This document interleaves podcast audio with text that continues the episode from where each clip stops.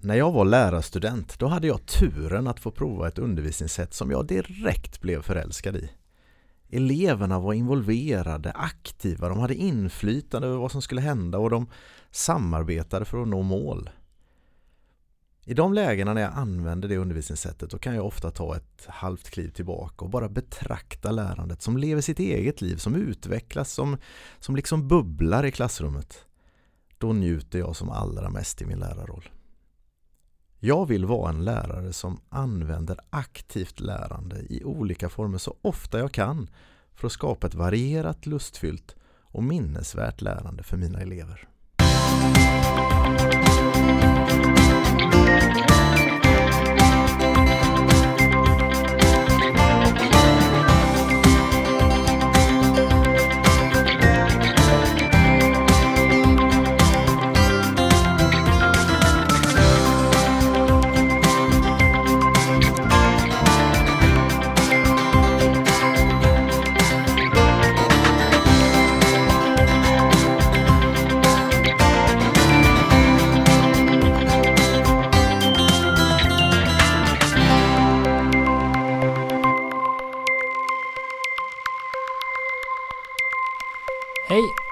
Välkomna till podden Jag vill vara en lärare som.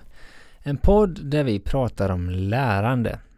Vi som gör detta heter Daniel Johansson och Daniel Dahlström. och vi jobbar båda som SO-lärare på Furulidsskolan i Aneby. Idag Daniel. Idag är händer jag det. så sjukt taggad. Ja, det här har vi faktiskt funderat på ganska länge och vi har säkert nämnt det i något avsnitt också. Vi ska prata lite om det här med aktivt lärande. Och du gjorde en introduktion här där du presenterar lite hur du upptäckte detta för länge sedan. Du ska få återkomma till det tänker jag.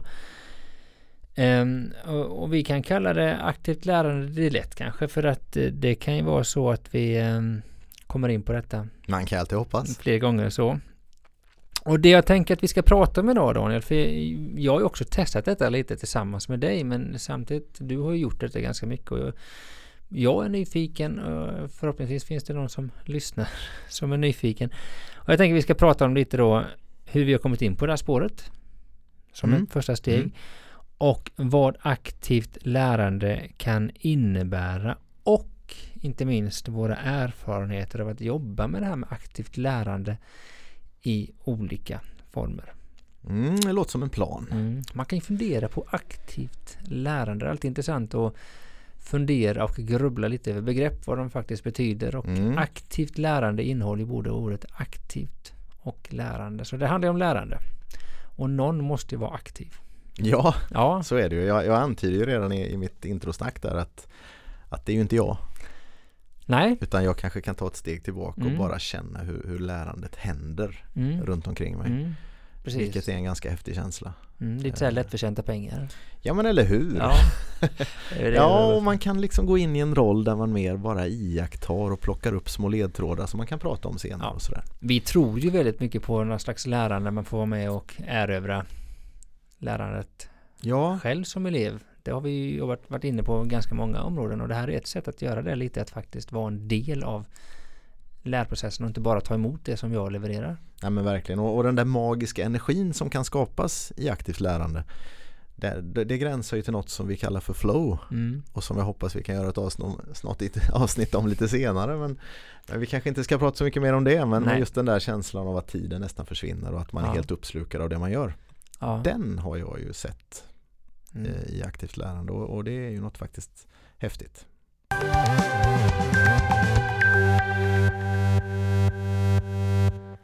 Okej. Hur kom du in på det här Daniel? Ja, nej men jag hade, jag hade turen att redan under min utbildning stöta på en man som heter Per-Arne Karlsson och som eh, hade skrivit en bok som heter Historiska spel. Eh, och han kallade det för spelsimulationer. Ett sätt att jobba med historia med hjälp av tärning och lite slumpvisa händelser tas igenom ett scenario och sådär.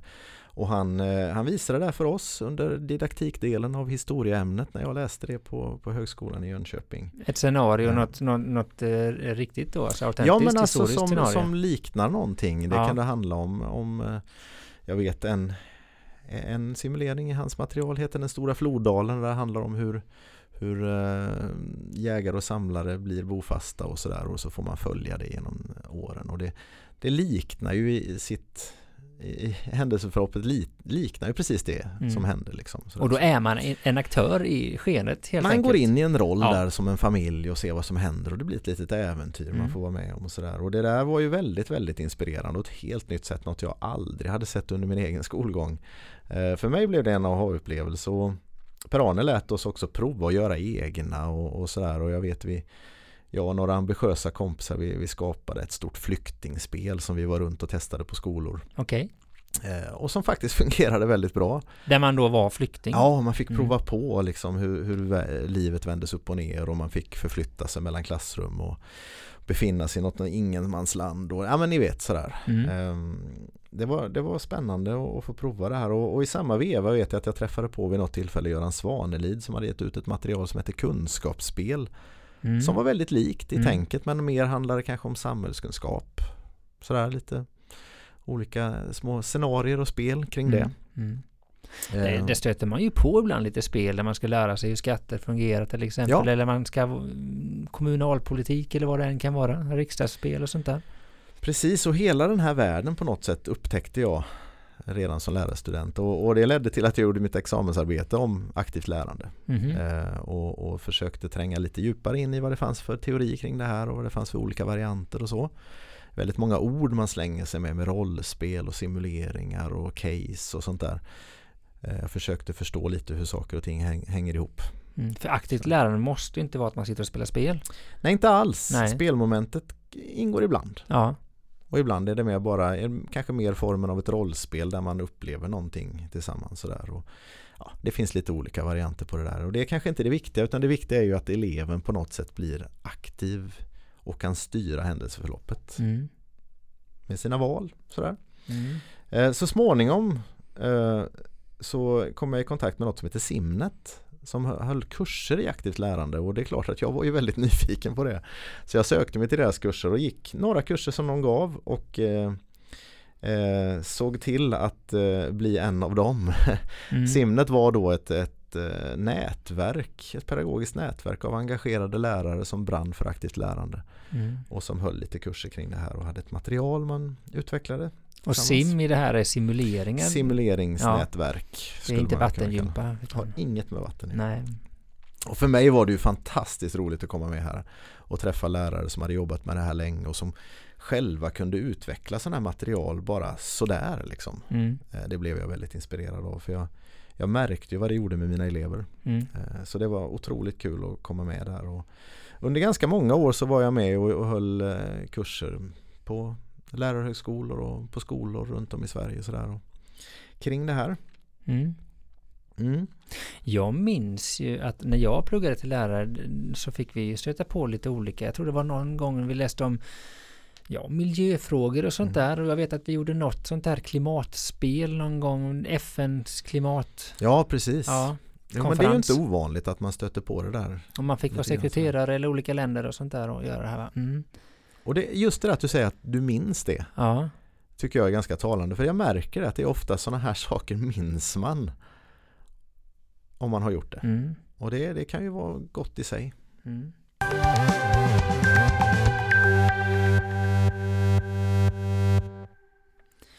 Bra.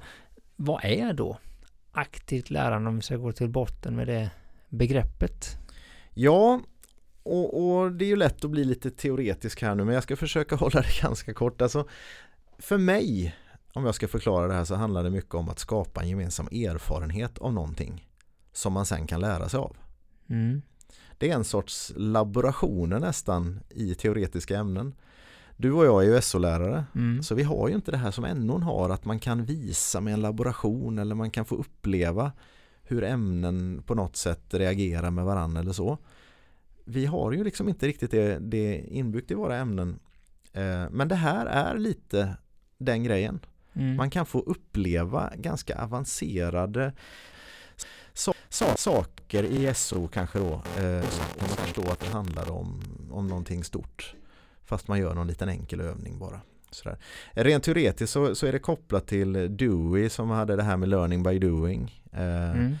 Kolb utvecklade det där i sin lärprocessteori eh, genom att prata om fyra steg och, och sättet vi inom Simnet gjorde simuleringar det byggde på det här. Och, och jag tycker det är ett ganska bra sätt att tänka att först steg, skaffar vi oss ja. en konkret erfarenhet i första steget. Vi upplever något tillsammans, vi gör en övning. Vi delar upp oss i grupper, familjer, länder eller någonting och så händer det någonting. Eh, och så någon sorts spel kanske. Eh, efter det kanske vi sätter oss i ring och funderar, reflekterar och observerar. Vad, vad var det här liksom? Vad hände? Hur kändes det? Eh, och, och liksom bearbetar känslor. Ibland har elever varit så arga så de har velat springa iväg nästan. Alltså det, det, man upplever saker som engagerar och sådär. Då är det bra att prata om det och förstå och dela med varann. Vad är det, vad är det som har hänt? Liksom. Jag har gjort detta flera gånger också och det just det här känslorna blir väldigt starka ibland. Alltså Ja, en del reagerar ju och, och särskilt om det finns något litet inslag av tävlingsmoment i det hela då kan det bli väldigt, man upplever orättvisor Ja. ibland eller sådana saker. Och vi är ju så elaka så ganska ofta kopplar vi ihop tävling med någon typ av orättvisa förutsättningar. Ja, För att få fram en poäng. maktlöshet kanske också Ja. ibland sådär. Och då, det där måste man ta på allvar.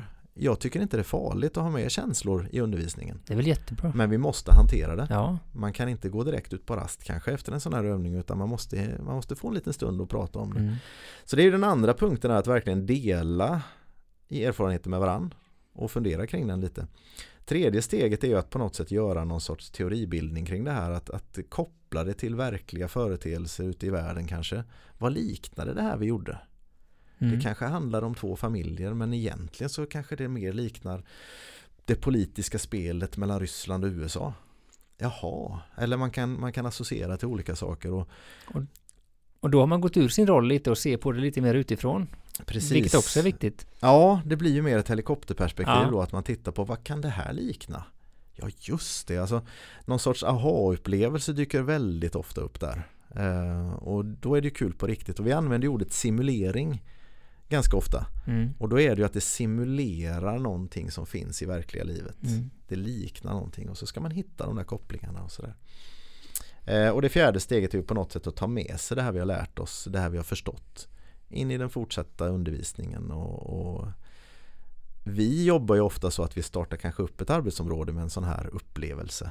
Mm. Och så kopplar man till det gång på gång. Kommer ni ihåg när vi var ute och seglade i början? Och så lärde vi oss att man tjänar pengar genom att eh, handla med varandra. Ja just det liksom. Så kan man på något sätt eh, ha med sig det. Så fyra steg där. Gemensam erfarenhet, reflektera kring den, lära sig något av den och ta med sig det vidare. Tillämpa det i annat sammanhang Ja, kanske. ja det också. Mm. Verkligen.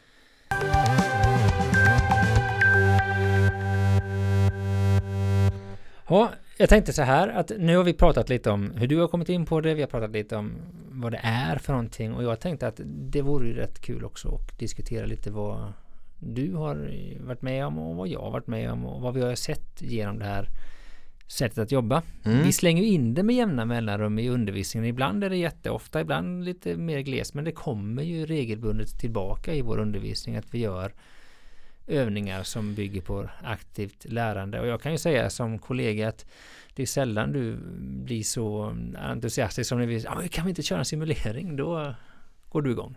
Så är det verkligen. Ja. Eh, Alltså är det någonting som definierar mig som lärare så är det ju hur mycket jag brinner för just den här delen. Och det är ju inte bara för att jag själv tycker det är så fantastiskt roligt utan det handlar ju allra mest om att jag ser vad det gör med eleverna. Mm. Den entusiasm och den glädje som ofta dyker upp. Jag, jag vet inte om vi har ett Men jag tänker så här, det skulle kunna vara bra då kanske bara ge exempel. Vad, vad skulle en simulering kunna vara? Hur skulle det kunna gå till? Eller en övning Ja. eller ett rollspel eller vad vi vill Ja, kalla men det. ska vi ta något exempel som vi kör varje år typ som vi brukar göra? Jag tänker trading game är ju en ganska känd Jag kan tänka mig att det är fler än vi som använder den. Den är ganska spridd. Det handlar om handel då. Det handlar om handel, om, om trade där och, och, och eh, det man gör är att man delar upp eleverna i några grupper, fem, sex grupper sådär, med några i varje. Och så får de väldigt olika förutsättningar. Fast det vet de inte om från början. Man ska producera figurer av papper. Mm. Med hjälp av saxar, linjaler och lite sånt där. Och någon grupp har ju då förstås flera saxar och pennor och linjaler och, och grejer. Men kanske inte så mycket papper. och en annan grupp sitter med en tjock bunt med papper men inte så mycket grejer. Och någon par andra grupper är lite mittemellan sådär. Mm. Och så drar man igång spelet och det, det går ut på att tjäna pengar genom att producera sånt här material och lämna in till banken. Mm. Ehm, och det där skapar ju en väldigt spännande dynamik och det kan hända väldigt spännande saker sådär att, eh, att man märker efter ett tag att oj nu är vårt papper slut eller någon Mm. annan märker tidigt att vi har ju ingen sax och allt ska klippas Mm. och sådär. Och känslor av orättvisa och av frustration och sånt där dyker ju ofta upp. Eh, Men också kreativitet. Det är ganska få regler i ett sånt här spel. Mm. Mm, Jag vet att det är några korta bara att det ska klippas, det ska stämma med måtten och man får inte använda våld. Inget Precis. fysiskt våld, den är viktig. Och där måste man ju någonstans upptäcka under spelets gång lite hur man ska lösa det här. Ja, och som ledare kanske man bara upprepar de där reglerna. Ja. Att du vet vad det är som gäller. Liksom. Ja. Och sen utifrån de ganska tydliga men, men ganska små ramarna så är det ju mycket kreativitet som kan frigöras. Eh, ibland ser man grupper som eh, sätter sig tillsammans. En grupp med mycket papper och en med flera saxar. Som frågar, får vi samarbeta? Ja, ni vet ju reglerna. Och, och sådär. Så kan man hitta kreativa lösningar och sen hittar man lite sådana här. Och en del grupper kanske bara blir sittande, helt apatiska. Mm. Det händer ju också ibland. Man kan också ändra förutsättningarna under spelets gång. Ja, det går ju att stoppa in lite nytt material eller eh, låna ut en sax eller ja, sådär. Eller lite ny kunskap. Absolut, sprida någon, någon information som ingen annan har. Ja. Att sätter man på ett rött klistermärke, ja då blir det dubbelt så mycket värt eller något sånt där. Ehm, och frågan är ju vad det här leder till. Jo men det är klart att man spelar så länge som det känns meningsfullt och sen, sen är ju det viktiga steget är ju sen själva det vi kallar för debriefing eller eftersnack. Eh, man har haft en, en gemensam erfarenhet och sen ska vi prata om den. Och att då eh, gå igenom vad som hände, hur det kändes och, och få upp alla de här roliga episoderna när folk har, har lurat varann kanske eller, eh, eller hittat smarta lösningar eller sådär. Ja, det var ju andra steget där. Att, att dela den erfarenheten. Men sen när vi blandar grupperna och sätter oss i en ring och funderar på vad var det som hände? Vad liknar det här? Vad var det vi simulerade? Och då är, ju, då är det ju inte meningen att jag som lärare ska styra det. Utan jag leder ju bara ett samtal. Och associationerna som kommer kan ju vara till ja, min familj är det så här eller i företag eller i, mellan länder i världen eller alla möjliga olika typer av, av associationer är okej där. Ja, för det kan ju vara lite olika vad man lär sig. Någon kanske mest lägger fokus på att man, ja, vi behöver handla för att lösa uppgiften. Medan en annan kanske lägger mer fokus på att handel är orättvist. Ja visst, och det här är precis som, ja, Ja. får man höra ibland, hur u-länderna säkert har det. Ja, Och så kan man in, komma in på hur det är med produktionsfaktorer i olika delar av världen eller vad man har för undervisningsnivå eller ja, alla möjliga smarta grejer kan man lära sig av det här ganska enkla lilla spelet. mm. det var, vi kör ju detta i nian brukar Ja. vi göra och jag vet det var något år, om det kanske var förra året, vi hade kört flera stycken som påminner lite om varandra för det här med orättvisa förutsättningar fanns ju med i alla och det, det var nästan som kunde börja repetera det innan vi körde igång att ja men man vet ju att det är orättvist ändå liksom så. Det var Stackars Det hade de lärt sig i alla fall. Ja, Mm. och det är klart det är också en, en, en viktig lärdom.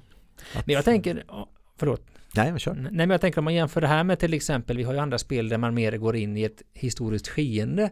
Som till exempel, vi gör ju alltid en resa till eh, Paris 1789 när vi läste franska revolutionen, man är med där och gör lite revolution och då, då som spelledare så leder jag ju mer spelet att det här och det här och det här och det här händer. Och Ja. sen så Ja, spelar man ett, utifrån ett händelseförlopp som är ganska så styrt. Och samtidigt utifrån de förutsättningarna så finns det en viss frihet att göra vissa val. Ja, Så ibland så, så överlever ju kungen ja, och ibland så mister han huvudet eller ja, sådär och, och då får man ju mer i efterhand jämföra det som hände i vår simulering ja, med verkligheten. Som en punkt fyra där då i det hela när man, när man går vidare med sin undervisning. Men man kan ändå hela tiden, ni kommer ihåg ni som var ni som var liksom andra ståndet. Ni minns hur det var när ni hade makten eller ja, det finns saker att hänga upp det på. Så. Det man kan säga också är att en del simuleringar tar kanske fyra timmar i anspråk medan Oh någon ja. kanske går på en kvart. Ja, precis så är det. Och, och ska man säga generellt så tycker jag kanske personligen att de elegantaste är de enklaste. Mm. Där man med ganska enkla medel med någon liten fånig samarbetsövning kan dra enormt stora lärdomar.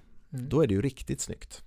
Ehm, Jag tänker bara nu när vi sitter och pratar om sånt där, om man är lite nyfiken. Det finns ju en del sånt där som ligger på nätet som man kan hitta. Mm. Jag vet bland annat Levande historia har ju en del grejer som vi jobbar med när vi läser om eh, folkmord och sånt där. Ja, Och där vi riksdagen ju. har ju också spel tror jag va? Precis, vi, vi använder ju något som heter En by som alla andra som är väl Le- levande historias eh, material. Mycket, mycket bra. Ja. Ehm, Så det, det finns en hel del att hitta om man är intresserad. Och där får man gärna höra av sig om man vill ha lite tips. Ja. Absolut, för där, jag har ju samlat på mig rätt mycket Ja. genom åren. Ja. Eh, Och även utvecklat en del egna och varit med och, och skapat vissa grejer. Och sådär, vilket också är väldigt roligt. Mm. Ehm, Och sen är det ju sådär att elever tycker ju ofta att det här är roligt. Mm. Och, och det där att det är roligt, det är, alltså man får inte underskatta det. Att det blir någonting helt annat helt plötsligt när jag kommer in i klassrummet och ser det annorlunda ut, det är ommöblerat, jag får en roll, jag får uppleva något. Eh, Man är kanske inte riktigt beredd på det. Och, och den där effekten gillar jag. Det gör någonting med eleverna liksom. Och, och väldigt ofta upplever jag att det blir någon sorts krok att hänga upp ett helt arbetsområde på. Mm. Ja just det, det var ju då när vi gjorde den där övningen. Och så kan man faktiskt minnas ganska mycket annat också tack vare simuleringen. Eh, Det är min erfarenhet att det är så. Jag tror att du delar den. eh, Ja, det håller jag verkligen med om. Just, just det här att man får, jag tror känslan är jätteviktig som du sa innan, Mm. för att man, man, eh, man registrerar med olika sinnen, inte bara det kognitiva. Och det är väldigt lätt att och senare anspela på den här känslan att man minns oftast det här frustrationen. Det är oftast de som är lite Mm. frustrerade Ja. som minns det kanske. Men det kan också vara en euforisk känsla när man verkligen lyckas med någonting. Man kanske tjänade jättemycket pengar när man var ute på något handelsspel eller sånt där. Oh ja, det får man också, också ofta Ehm, höra. Men, men jag vet ju att just det här känslan eh, när man gör den här grejerna och folk, folk elever, ibland glömmer att vi skulle haft en liten rast. Ja. Och, och nej, vi har bara kört på och ingen har tänkt på det. Det är rätt häftigt. ja, men det är jättehäftigt. Och, och det gränsar ju till det här vi pratar om flow. Alltså Mm. när, när tid och rum faktiskt försvinner Mm. nästan. Man är så upptagen med det man gör. Mm, Så man vill ju inte sluta. Och, eh, ja men det är kul. mm. Men, men den stora vinsten tycker jag också är ändå att det blir lättare att hänga upp det som är kanske lite svårt ibland teoretiskt på erfarenheten. Att jag har gjort det, jag har sett det, jag har varit med om det. Ehm, och det blir, det blir en slags variation i lärandet som jag tycker är väldigt viktig. Ja, ja men absolut. Man är aktiv. Och har man väl hållit på med det här ett tag som lärare så kan man ju hitta ganska enkelt att skapa egna små minisimuleringar. Man gillar det här formatet bara. Eh, Jag vet att vi har några sådana här genomgångar typ om hur det var förr eller sådär där vi istället för att bara stå och prata delar upp dem i små familjer eller någonting och det händer lite saker och de får ta lite beslut och sådär. Ganska enkla små medel för att göra kanske till och med bara en vanlig genomgång lite mer levande. Ehm, Och den kreativiteten gillar jag. Mm. Att man själv också kan få, få hitta på sånt här. Mm. Ibland ställer jag frågan till dig så här Daniel, när vi diskuterar och vi planerar. Är, är det värt att lägga fyra timmar på det här? Man kanske skulle hinna med mycket mer vad gäller ämnesstoff på den tiden. Eh, lika gärna. Och ibland tar vi olika beslut. Ja. Eh, men du säger ofta att det är värt det. ja, jag upplever ju att det är så. Mm. Eh, sen kan man givetvis diskutera om det tar för många lektioner och, det, alltså, och sådär va. Men, men just, man får inte stirra sig blind på ämnesstoffet tänker jag ofta utan det här utvecklar ju andra förmågor. Förståelse för, för skeenden, för hur saker är i världen och sådär. På ett sätt som jag tycker är oslagbart. Det hjälper inte hur många gånger jag står och säger någonting eller visar en film om det eller sådär. Men när man själv har fått vara med och upptäcka det i en simulering. Bara, aha, är det så att leva i ett uland? Eller är det så det funkar med biståndet? Ja, det är ju inte så enkelt liksom. Eller ha, är det så det känns att vara flykting? Mm. Det, det krävs rätt mycket för att ersätta det simuleringen ger. Mm. Så som du säger, väldigt ofta landar jag i att jag kan ta bort mycket annat. Men eh, de små simuleringarna, de, de vill jag ha kvar. Mm. Det, där tänker jag liksom eftersom jag inte har jobbat alls lika mycket med, med detta som du har gjort men ändå liksom upptäckt kraften i det på många sätt så skulle jag vilja rekommendera den som lyssnar och som jobbar med lärande i olika typer av grupper. Det kan ju vara i skolan eller annat också där man vill bygga på det här att man har någon erfarenhet och känsla och bygga vidare på. att Testa lite olika simuleringar. Eh, Ja, är ju ett tips och, och man kan ju börja med ganska enkla saker i början för att bara testa på hur det är att leda en simulering och sånt där. Det är ofta så och det märker man ju nästan varje år om det är ett år som vi gjorde det att man kan vara lite ringrostig ibland. Eh, gör man samma simuleringar med flera grupper så blir det oftast bäst sista gången när man har gjort det gånger. Oh ja. Men, men att, att testa och träna sig i det är ju ganska viktigt och skulle man tycka att det var jättesvårt första gången så testa gärna en gång till för det kan vara en helt annan simulering som ger ett helt annat resultat och en annan erfarenhet. Alltså det, även om vi har hållit på flera gånger och flera år så kan det ibland också komma tillfällen när vi känner att nah, det blev inte så bra den här gången. Mm. Men en annan simulering blir jättebra istället. I ett annat ja, sammanhang. Ja men verkligen. Så testa. Så, så är det, våga testa absolut och, och ta hjälp om du har känner till någon lärare eller kollega sådär som har gjort sådana här grejer lite mm. grann så är det bra att ta hjälp av dem. När vi gör um, större grejer så är det en styrka att vara två. Absolut, det är Tänker det ju. jag. Kan man skapa sådana tillfällen där alltså två ledare menar två jag. stycken som leder det. Mm. För, för då kan en vara upptagen med att leda själva aktiviteten och, och dela ut grejer och sådär kanske medan en kan ha en mer observerande roll.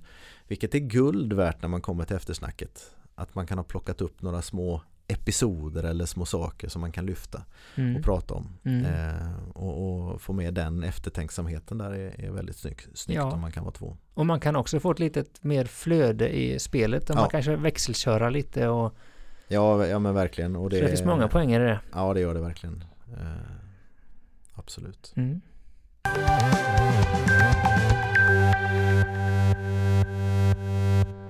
Ha, något mer som vi vill tillägga när vi pratar om detta? Jag kom att tänka på att just den här systematiken kring hur man tänker kring en gemensam erfarenhet och att sen snacka om den och lära av den och ta med sig den liksom och applicera den på annat. Det kan man ju använda med ett studiebesök. Ja. Eller med en film. Ja. Det är också en gemensam erfarenhet och det finns ju ett sätt jag vet jag har provat det några gånger så att det går alldeles utmärkt. Eh, ett, ett väldigt enkelt och, och, efter ett tag blir eleverna väldigt bekanta med det sättet att jobba. Så att det, det kan jag också skicka med att just den grejen är, är, är mycket användbar. Bra. Ska vi stanna där? Ja, vi gör det. Du mm. har ju alltså lyssnat på podden. Jag vill vara en lärare som, som idag handlar om att vara en lärare som med hjälp av aktivt lärande i olika former varierar sin undervisning och på, på ett sätt som skapar ett både lustfyllt och i högsta grad minnesvärt lärande. Följ oss gärna via vår Facebook-sida Jag vill vara en lärare som eller vår hemsida Jag vill vara en lärare som.se Ibland dyker det upp lite mer grejer där som inte sägs i podden. Det kan ju vara någon länk eller något tips eller något litet klipp så som man kan titta på. Vem vet, vi kanske till och med ja. lägger ut en simulering. Ja, vem vet. Eh, lyssna på oss gör du via Soundcloud eller någon annan sida eller app där poddar finns. Och du kan nå oss antingen via Facebook eller via mejladressen daniel att jag vill vara en lärare som.se och då kan du både ge respons, ställa frågor eller komma med någon idé om du har det. Daniel och Daniel tackar för oss. Vi hörs snart igen.